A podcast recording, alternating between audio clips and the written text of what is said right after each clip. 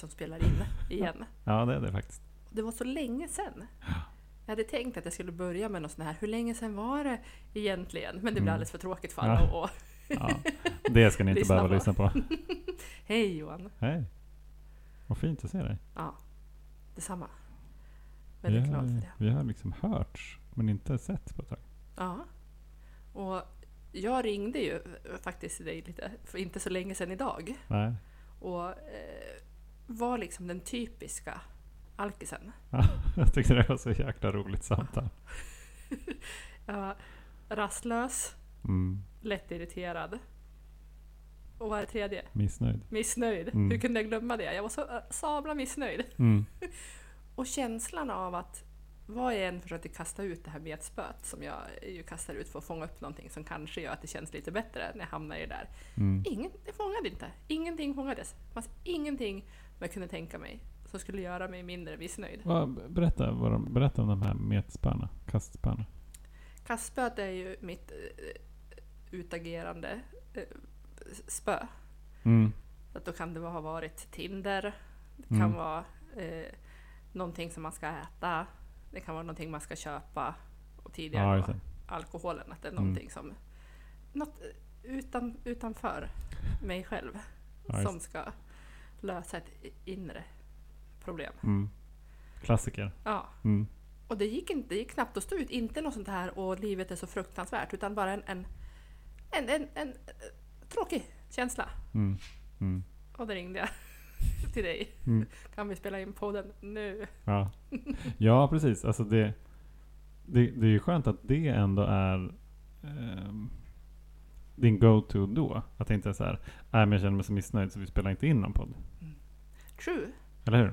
Det har ju varit mitt, va, mitt vanliga modus operandi. Mm. Mm. Isolering. Mm. Då är jag hem. Ja, exakt. Och tack för att du, du, speglar mig på det. Mm. För det är en jättestor skillnad. Det, är, det är den största skillnaden, tänker jag. Ja. Jag är tillfrisknad alltså. Det som du inte trodde att du var, det var du ändå. Man har ingen aning, sanning eller lugn alltså. Nej. Hur är det med dig Johan? Men det är, det är väldigt bra. Jag vill ju säga. säga eh, hipp hipp hurra. Du har ju Ja. sju och ett halvt år Ja, just det. firat nu. Mm. Fantastiskt. Det känns som en ganska stor milstolpe. Alltså jag, la- tack, ska jag säga också. Jag, jag la upp ett inlägg på LinkedIn om det. Och då kände jag så här, vad tramsigt att hålla på och fira halvårsdagar efter så många år i nykterheten. Mm. Det var det jag kände instinktivt, det här kanske blir tramsigt. Men så, så kände jag någonstans att så här, men det är så mycket som har hänt senaste halvåret. Och det, det hade aldrig gått utan nykterheten. Så det är så värt att fira att vara nykter. Egentligen kan man fira varje dag. Mm. Men det blir lite tradigt med inlägg varje dag. Om att så här, ja. Och så är det som att det senaste halvåret har varit en så sjukt intensiv period och process på så många olika sätt. Så nytt jobb, eh, både för mig och för Josefina. Mm. Eh, vi har en hund nu sedan en månad eller så tillbaka. Eh, vi har tagit stora beslut om eh, liksom landet och alltså så här, det har hänt jättemycket eh, i, i livet. Och, det största är för mig alltså att byta jobb efter 14 år. Det är stort. Och att så här, ja, men, gå i en annan riktning i karriären, inte bara byta arbetsgivare utan så faktiskt till stora delar i alla fall göra liksom någonting annat. Liksom ett annat perspektiv. Ehm, med allt som kommer med det. Alla rädslor och känslan av att ja, snart kommer de på att jag inte kan någonting. Mm. Och all, allt det där tvivlet som, som någonstans höll mig tillbaka förut också. Som var anledningen till att jag inte vågade göra någonting tills jag vågade. Att där, det, liksom, det knackade på dörren med jämna mellanrum. Att så här, ja, du ska se att det inte kommer gå bra det här eller så. Men så, ja och en annan del då som, som kommer med det här är ju att jag håller på att göra stegen igen. Mm. Den lilla grejen också. Ja. Ja, den lilla grejen. Och, och på pappret så var det som att jag kan inte hålla på med det också. Liksom när allt är nytt. Du får liksom göra en, en sak i taget. Och det låter ju vettigt, men jag tror att det var verkligen nödvändigt för mig att göra stegen igen. Just på grund av att jag var i en ny jobbsituation. Mm. För att få in nykterheten och tillfrisknandet och liksom nya, eller så här, inte nya kanske, men en, en återkalibrering till tillfrisknande rutiner i en ny fas i livet för mig.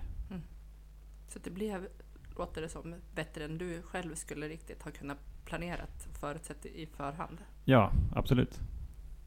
Alltså av, av egen kraft att gå in och försöka styra upp mig på jobbet eller styra upp jobbet. Sådär. Det hade inte gått lika bra. Det är jättespännande. Kan du, kan du utveckla det, hur du direkt kan se att stegarbetet och, och nya jobbet, liksom, hur det hänger ihop? Ja, jag måste försöka sätta ord på det själv känner jag. Men det är Mm. väl därför vi har det här samtalet tänker jag. Om, om det är första gången ni lyssnar så är ju det här tänka högt Ja, tillsammans. ja verkligen. Mm. Verkligen. Nej, men som, alltså en, en sak som, som ju är väldigt mycket tillfrisknande för mig är ju att liksom göra jobbet men släppa taget om resultatet. Mm. Men det är väldigt mycket stegarbete också. Att så här, göra de här listorna, göra de här inventeringarna. Och, och att ja, verkligen släppa taget om vad som kommer att bli. Inte Mm. så här, jag har bestämt att jag ska bli en sån här person. Det är inte, då blir det ingen bra stegprocess. Nej. Och det kunde jag verkligen använda direkt på jobbet. Mm. Ett praktiskt exempel. Jag sa redan innan jag började till min chef att jag skulle vilja ha möten med tio stycken av liksom, de ledande personerna på bolaget. Bara som ett intromöte. Eh, säga hej, hej, jag är nyfiken på vem du är och vad som är viktigt för dig. Utan att ha egentligen någon annan agenda. Att Mm. bara liksom förstå. Och det där, det, det tyckte jag i sig var en ganska bra idé. Eh, och det fanns verkligen inte någon agenda heller. Det var inte så här, ja och så träffar jag honom eller henne och sen så kommer det leda till det här och så kommer det leda till bla bla bla. Ibland gick jag in i det där men då blev jag nästan sjuk av det. Mm. Alltså att försöka ha någon, någon, någon, någon, någon längre plan och liksom göra beräkningar och kalkyler. liksom sånt där. Utan det var bara att äh, vara nyfiken på vem är den här människan som är här just nu. Vad är viktigt för honom? Vad är viktigt för henne? Och hur, hur kommer det sig att de är här överhuvudtaget? Det är ju jättespännande att utforska. Ja. Så att, så här, att fokusera på att lära känna. Och sen, och sen är det ett egenvärde i sig. ja. Jag tänker att det är lättare sagt än gjort. Mm. För att speciellt kanske, eller nu tänker jag bara det just nu, att i jobbsammanhang att det är väldigt resultatinriktat. Så att allting vägs gentemot, okej vad ska det här Mm. leda till? Och att det tål att upprepas. Hur formulerar du det? Att göra jobbet men inte alltså släppa taget om resultatet. Mm, exakt.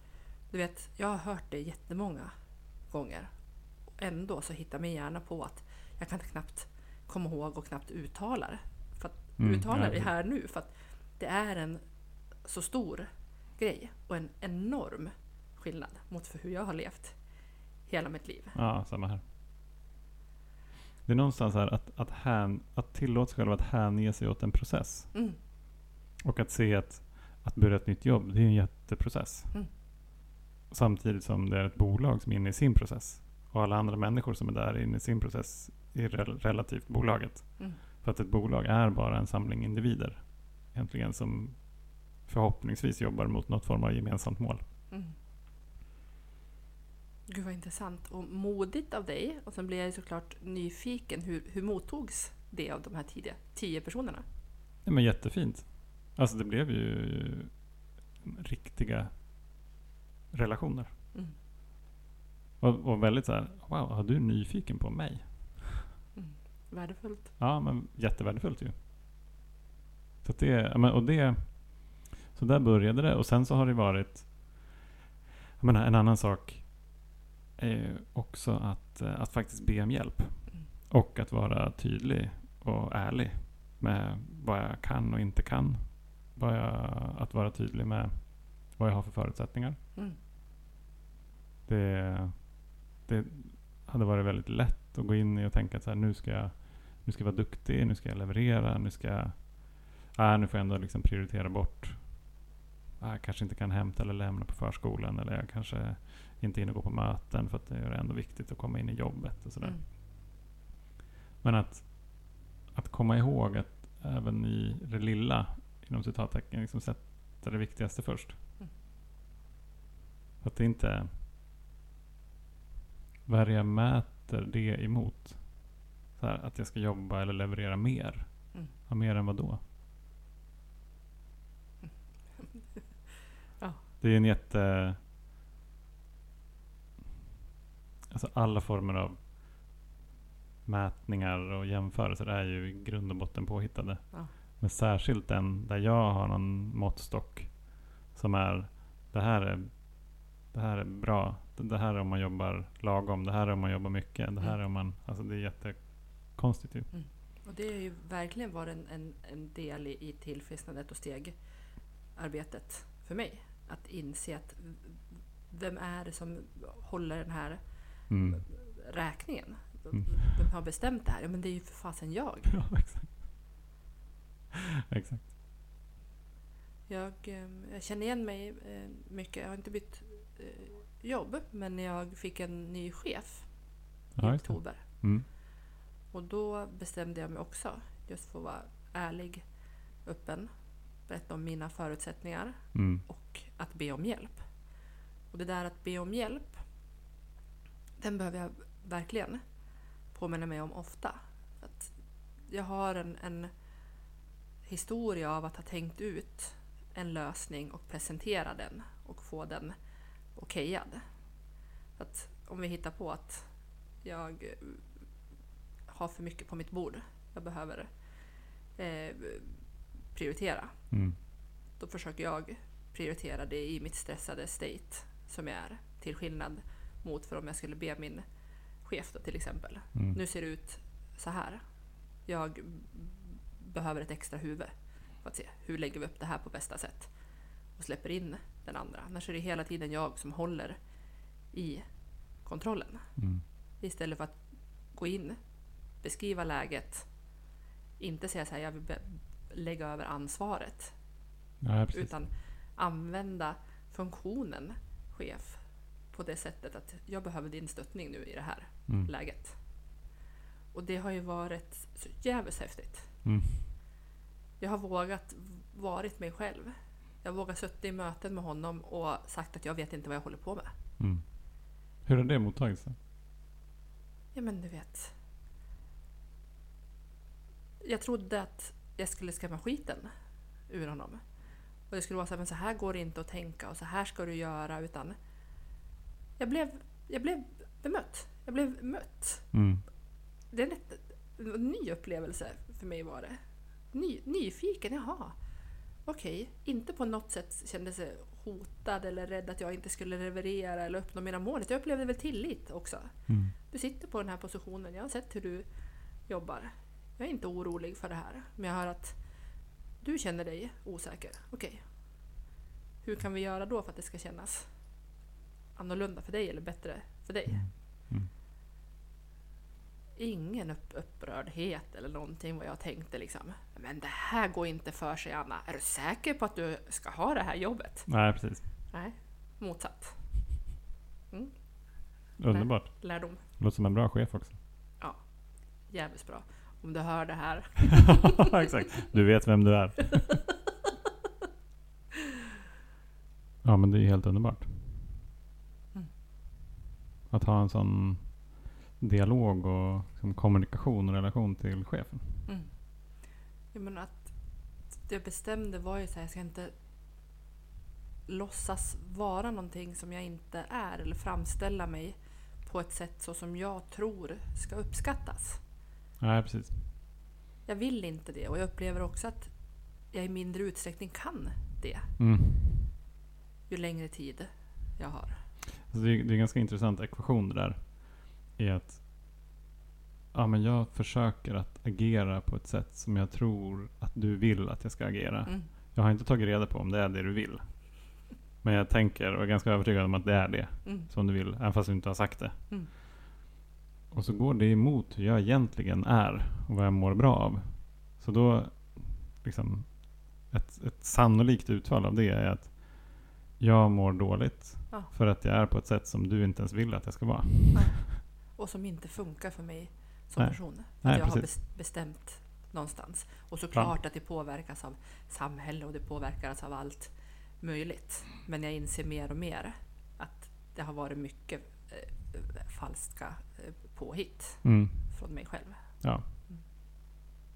Ja, att det är liksom vi själva som hittar på det där. Mm. det är egentligen, Men glad att jag i alla fall vid 43 års ålder började liksom absolut. syna mig själv i Mm. sömmarna. Mm. En annan sån grej som, som jag kom på nu som har varit extremt nyttig i jobbet. Som kommer från stegprocessen. Har varit eh, min sponsor. Han frågar varje dag. Jag pratar med honom. här, På vilket sätt har det varit till nytta idag? Mm. Och det är ett ganska spännande perspektiv att ta med sig in på jobbet. Ja, här, ja, men hur kan jag vara till nytta här? För att inte gå in för mycket i vad skulle jag kunna få ut av den här situationen? nej, precis. Och vad kan det vara då till exempel? Ja, men det kan vara liksom allt möjligt egentligen.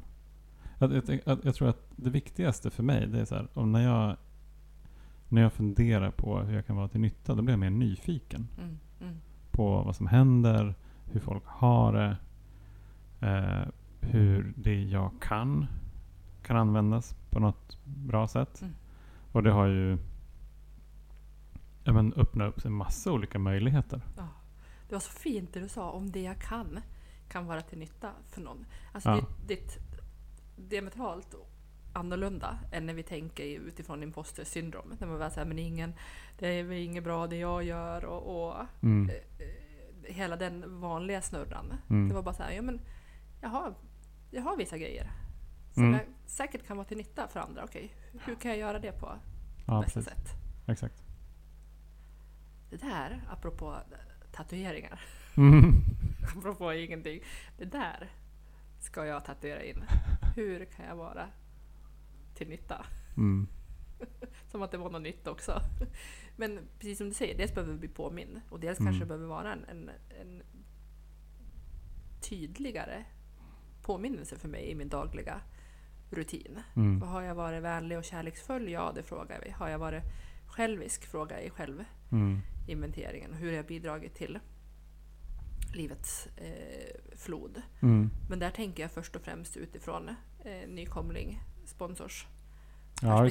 Mm. Men att, att kunna applicera det precis som du beskriver och, ha det i närvarande hela Mm, tiden mm. under dagen också. Ja, Inte bara precis. att på kvällen kolla tillbaka vad har jag gjort utan medvetet jobba för det. Det, det, det här är ett jätteintressant perspektiv också. Nu, jag är på steg 10 Mm. och jag har liksom tidigare så har jag mer, mer eller mindre klumpat ihop steg 10 11. Mm.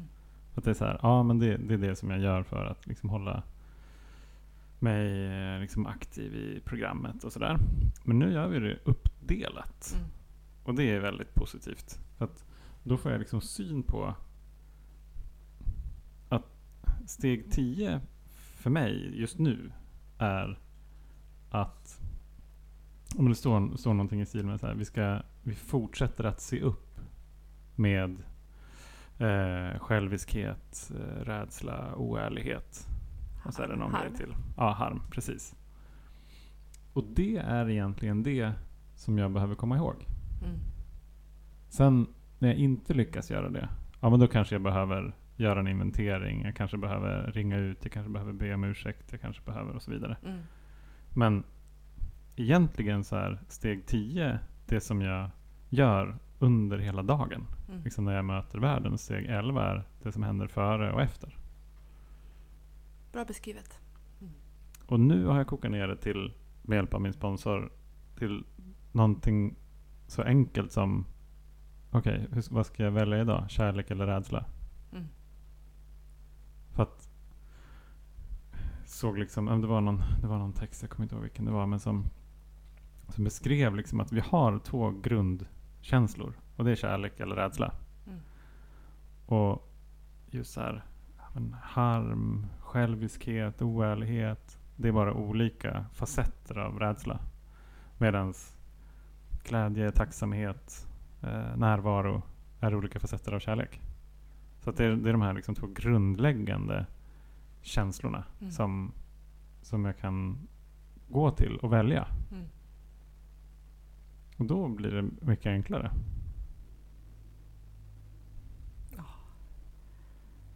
Jag älskar när det blir enklare. Jag har inte den för- förmågan riktigt själv. Nej, men inte jag heller. Och det kan låta så stort när man bara, utan att ha delat upp det lite så som du, Mm. du sa. Vad innebär då att välja kärlek? Eller vad innebär att välja rädsla? Mm. Att det är inte bara ett begrepp som liksom är så stora så att man tappar det bara där. Nej, precis. Exakt. Nej, men för att om jag är tolerant, tålmodig. Alltså då är jag ju i kärlek. Mm. Men det, det tar sig uttryck på olika sätt givet olika kontexter. Mm. Och det, det- och där finns det någonting mer konkret. Precis som du är inne på. Det är mer konkret. Liksom att, ja okej. Och Då kan jag, ja men hur är jag, hur kan jag agera kärleksfullt på jobbet till exempel? Mm. Eller hemma. Alltså de kan ju vara ganska olika. Mm. På jobbet så kan det vara mer kärleksfullt. Att men jag eh, försöker vara till nytta. Jag är tydlig med liksom mina gränser och förutsättningar. Jag lovar inte mer än vad jag kan hålla. Ja, för sig. Alltså nu, det gäller ju samma sak hemma. Men det kan ta sig lite olika uttryck ändå. Mm. Liksom. Och det där är ju samma sak som att hålla sig nära Gud. Mm. Precis. Och då blir det ännu enklare. Ja. När vi gör det, då har vi egentligen inga problem. Förutom de vi har skapat oss Mm. själva.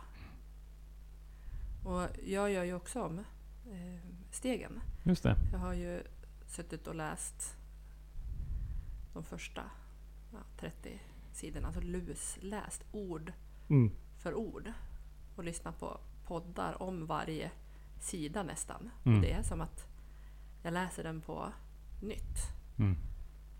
Ja, häftigt. Ja, för jag läser ju den nykter från alkoholen. Mm. Med nya perspektiv och, och närmare en högre kraft än vad jag har varit Mm. tidigare. Men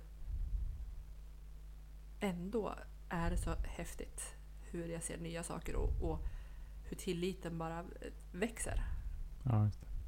av det. Att det står, alltså löftena som lovas Mm. infrias. Och att det är liksom... Men det, det är svårt.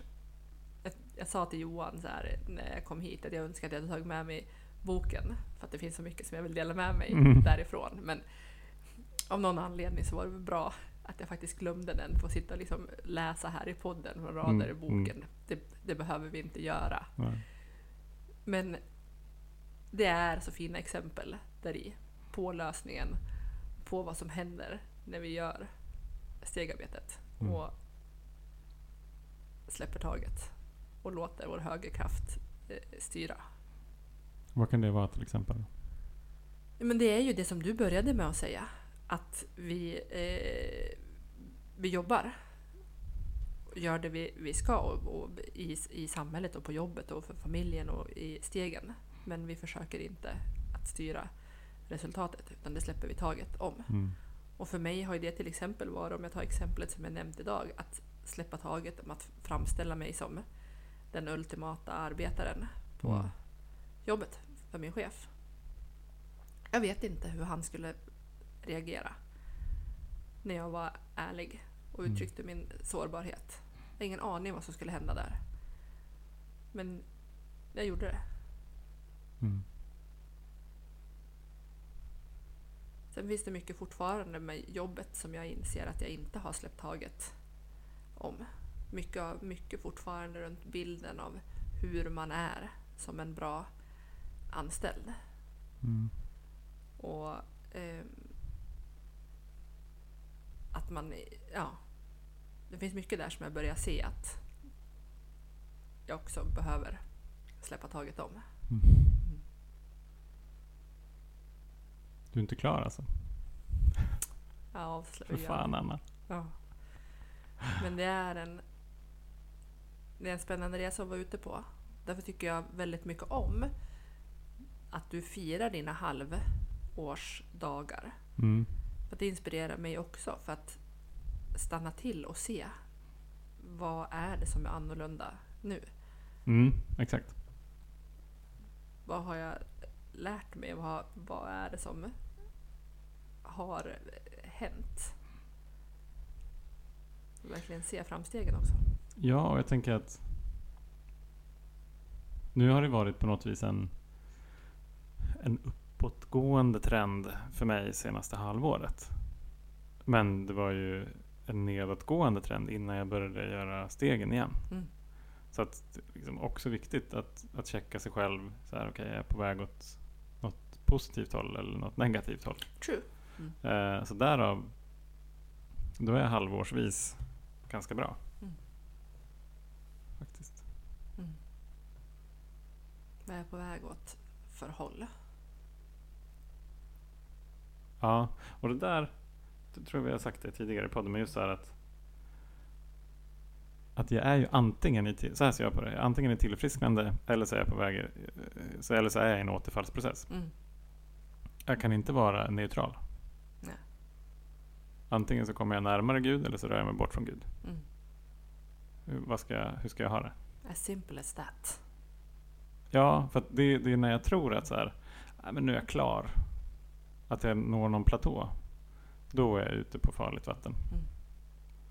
Verkligen. För det är ju inte så. Jag har faktiskt haft... Det är nästan som att... Alltså nu firade jag sju och ett halvt år. Och jag, tänker, jag har tänkt en del på det här, just så här sjuårscyklerna. Mm. Alltså, det är något Det är något lite magiskt med det. Att eh, här, alla våra celler i kroppen byts ut, har bytts ut efter sju år. Precis, varenda en. Så att jag är faktiskt inte samma människa nu som jag var för sju år sedan. Nej. Och jag tänker också att jag har liksom gett mig själv lite perspektiv på att se tillbaka. Men hur var det de första så här, fem, sex, sju åren i nykterheten? Och vad, vad gjorde jag då? Det var ju så grymt mycket som hände. Liksom, med, först och främst att bara bli nykter och ja, förstå vad, vad är det för någonting egentligen. Och börja gå på möten. Eh, göra det till en jätteviktig del av, av livet. Och hitta, hitta olika gemenskaper. Eh, till slut hitta en hemmagrupp som jag gick i så här, fem år.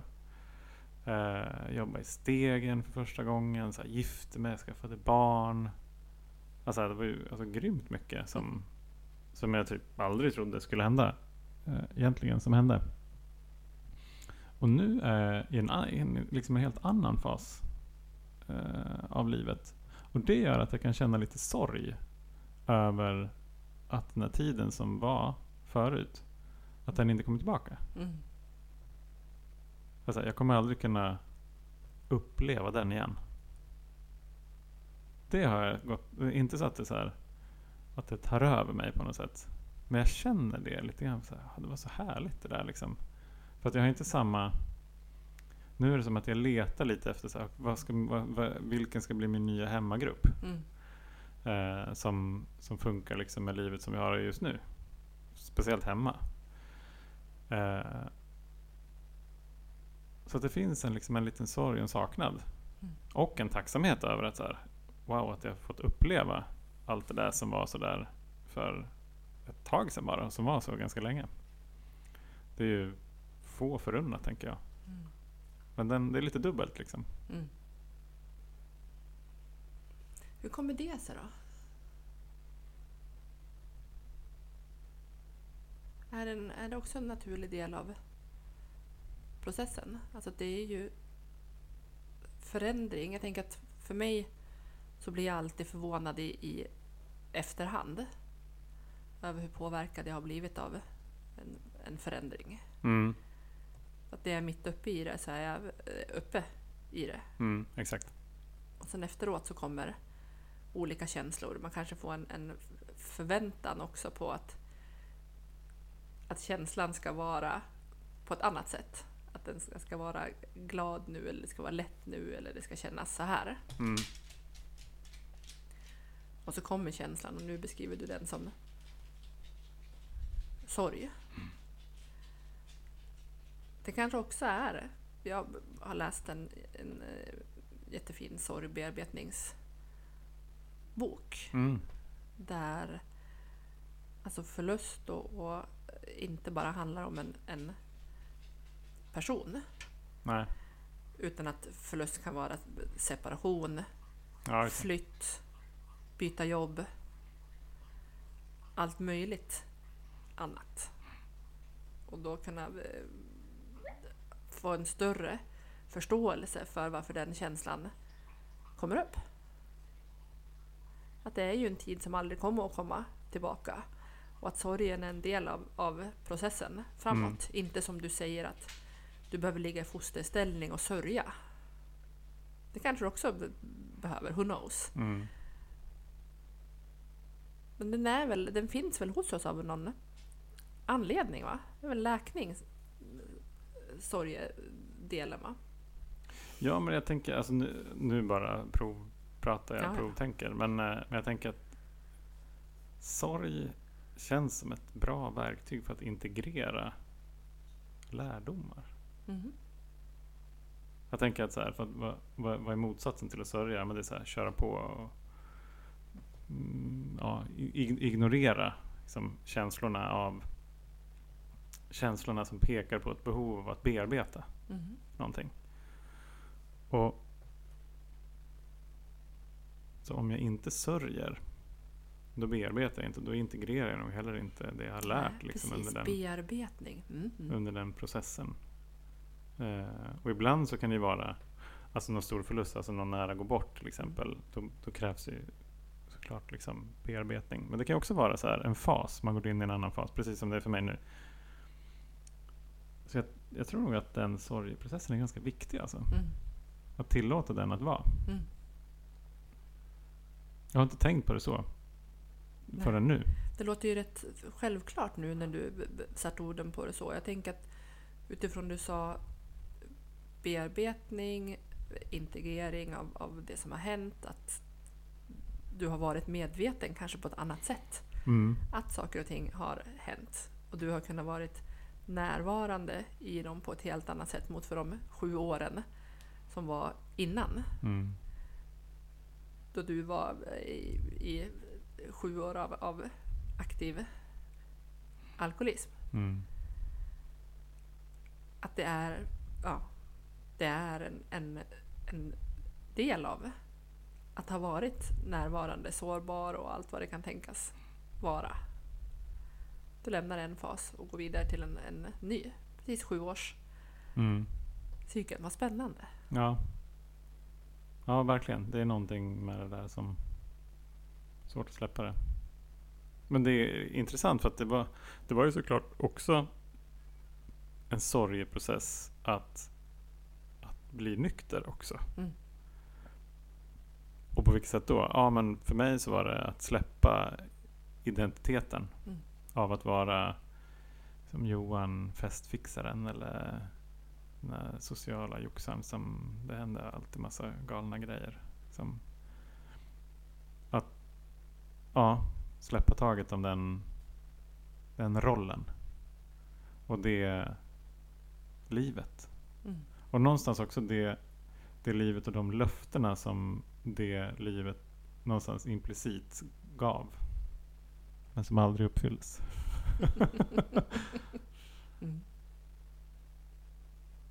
Det var ganska, och det, och det var ju jobbigt första tiden, jag vet inte hur länge, men halvåret i alla fall i nykterheten. Mm.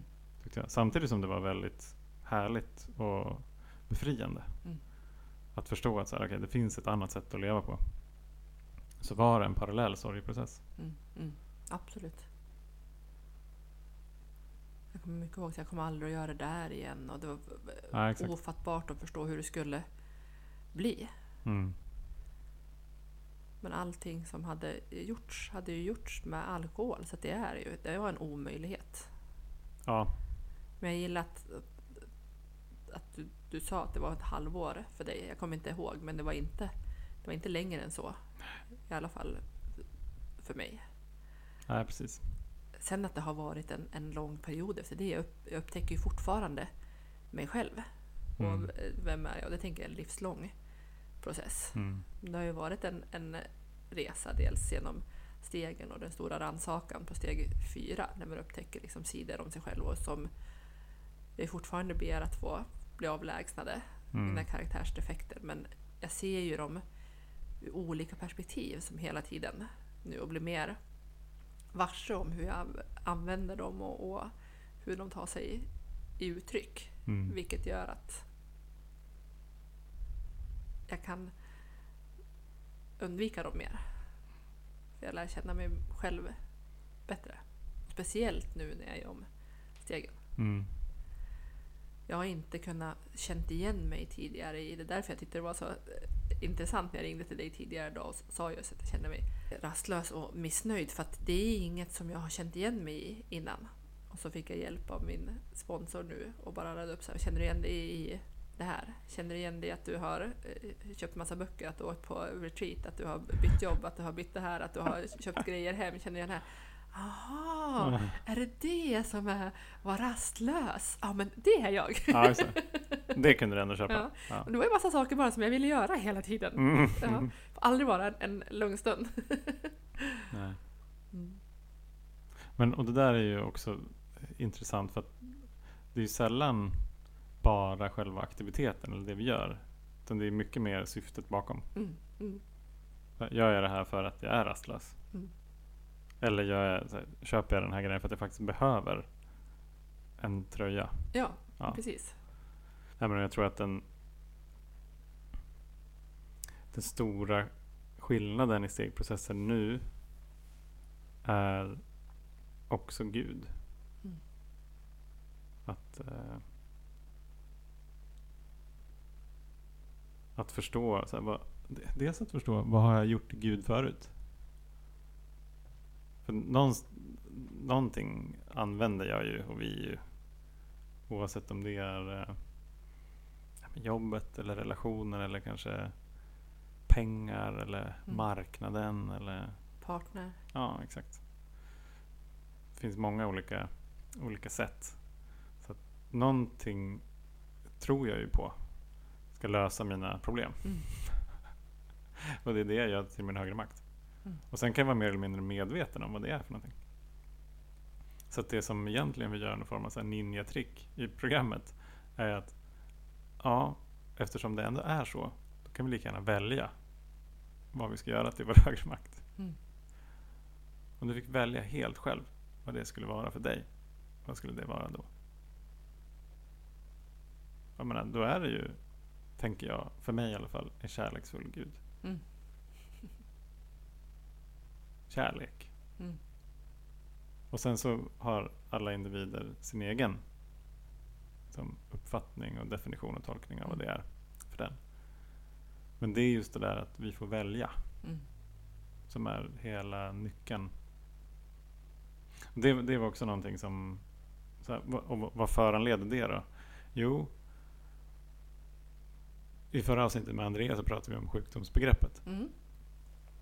Och det var... Det var någonting som jag fick syn på ännu tydligare den här gången. Och med det så kommer det också ett, ett vägskäl någonstans. Att okay, antingen så kan jag dö en alkoholistisk död. Eller så kan jag leva på andlig grund. Mm. Hur ska jag ha det? Mm. Jag får välja. Mm. För att utan egen kraft så är jag helt chanslös. Mm. Mot det där. Mot spiralen som bara drar mig neråt liksom. Mm. Och det finns inget neutralt läge som sagt. Antingen så är jag på väg uppåt eller så är jag på väg neråt. Antingen så är jag på väg mot Gud eller från Gud. Tillfrisknande eller återfall. Mm. Så att när jag ställer mig själv inför det valet så blir valet väldigt enkelt att göra. Mm. Det är bara att jag ska komma ihåg att att ställa frågan. Ja. Och jag menar att dö en alkoholistisk död, det behöver ju inte betyda att jag dör i skrumplever om ett år. Det kan ju betyda att jag andligen dör. Mm.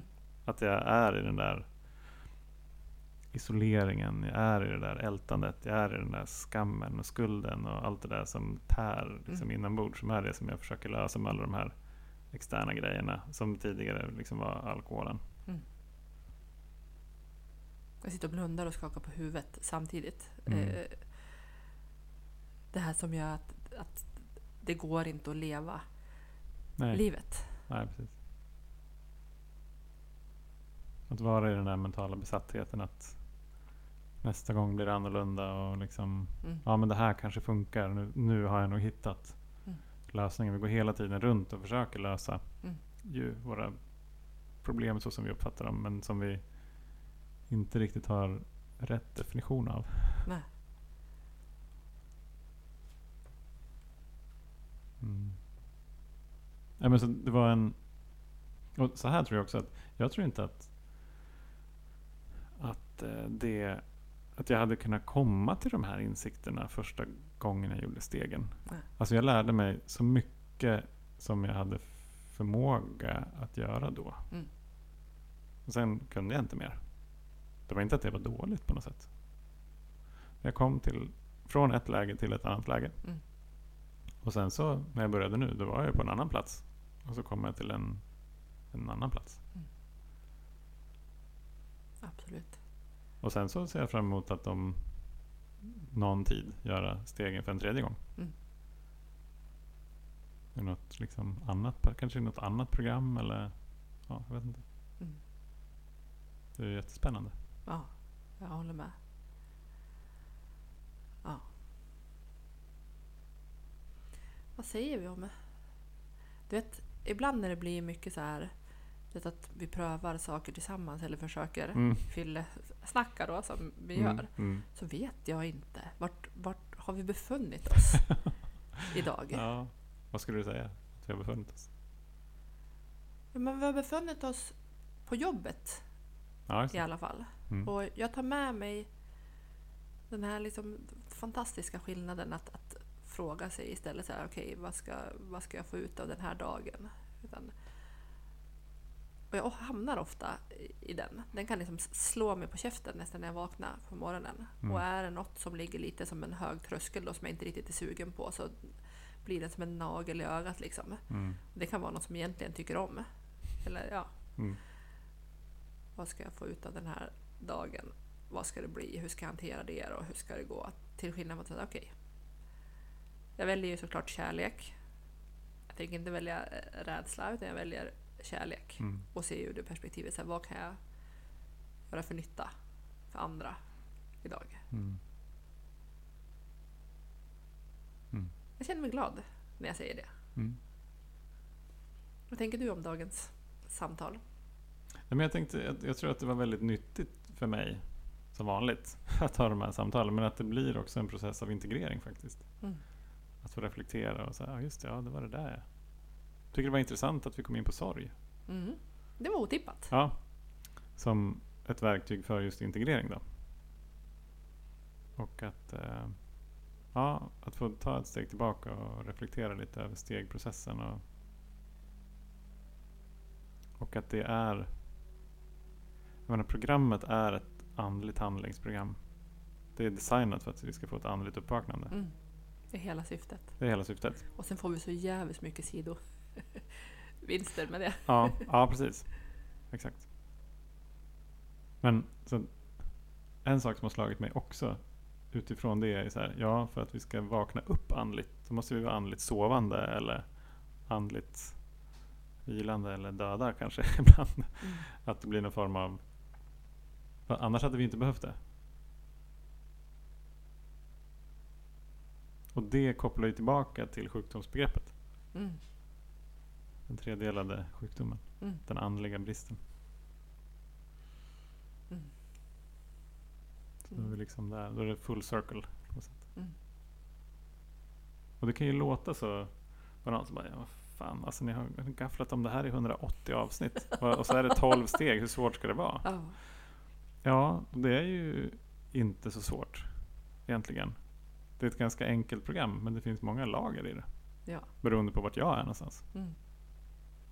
Och eftersom livet hela tiden förändras och det går ut på att, att använda sig av de här andliga principerna, stegen i alla våra angelägenheter. Mm. Och våra angelägenheter förändras ju hela tiden. Och eftersom vi har pratat om också att vårt minne, eller att vi hittar på saker som om vi råkar ta ett steg bort från Gud som snurrar till det, Mm. så jag tappade tråden. Nu missade jag något som kunde vara så fruktansvärt bra. Får lyssna på nästa avsnitt. Ja. Cliffhanger. Precis. Ja. I, I något avsnitt framöver då ska ni få ta del av Annas fenomenala klokhet. Här som vi missade på slutet. Mm. Ändå tack för idag. Mm. Det var jättefint. Tack så jättemycket. Och tack till er som eh, hör av er. Det har varit fantastiska meddelanden som vi har fått om möjlighet att få prata med er och, och Mm. vara med på era eh, resor i tillfrisknande. Mm. Tack! Mm. Ta hand om er. Kram.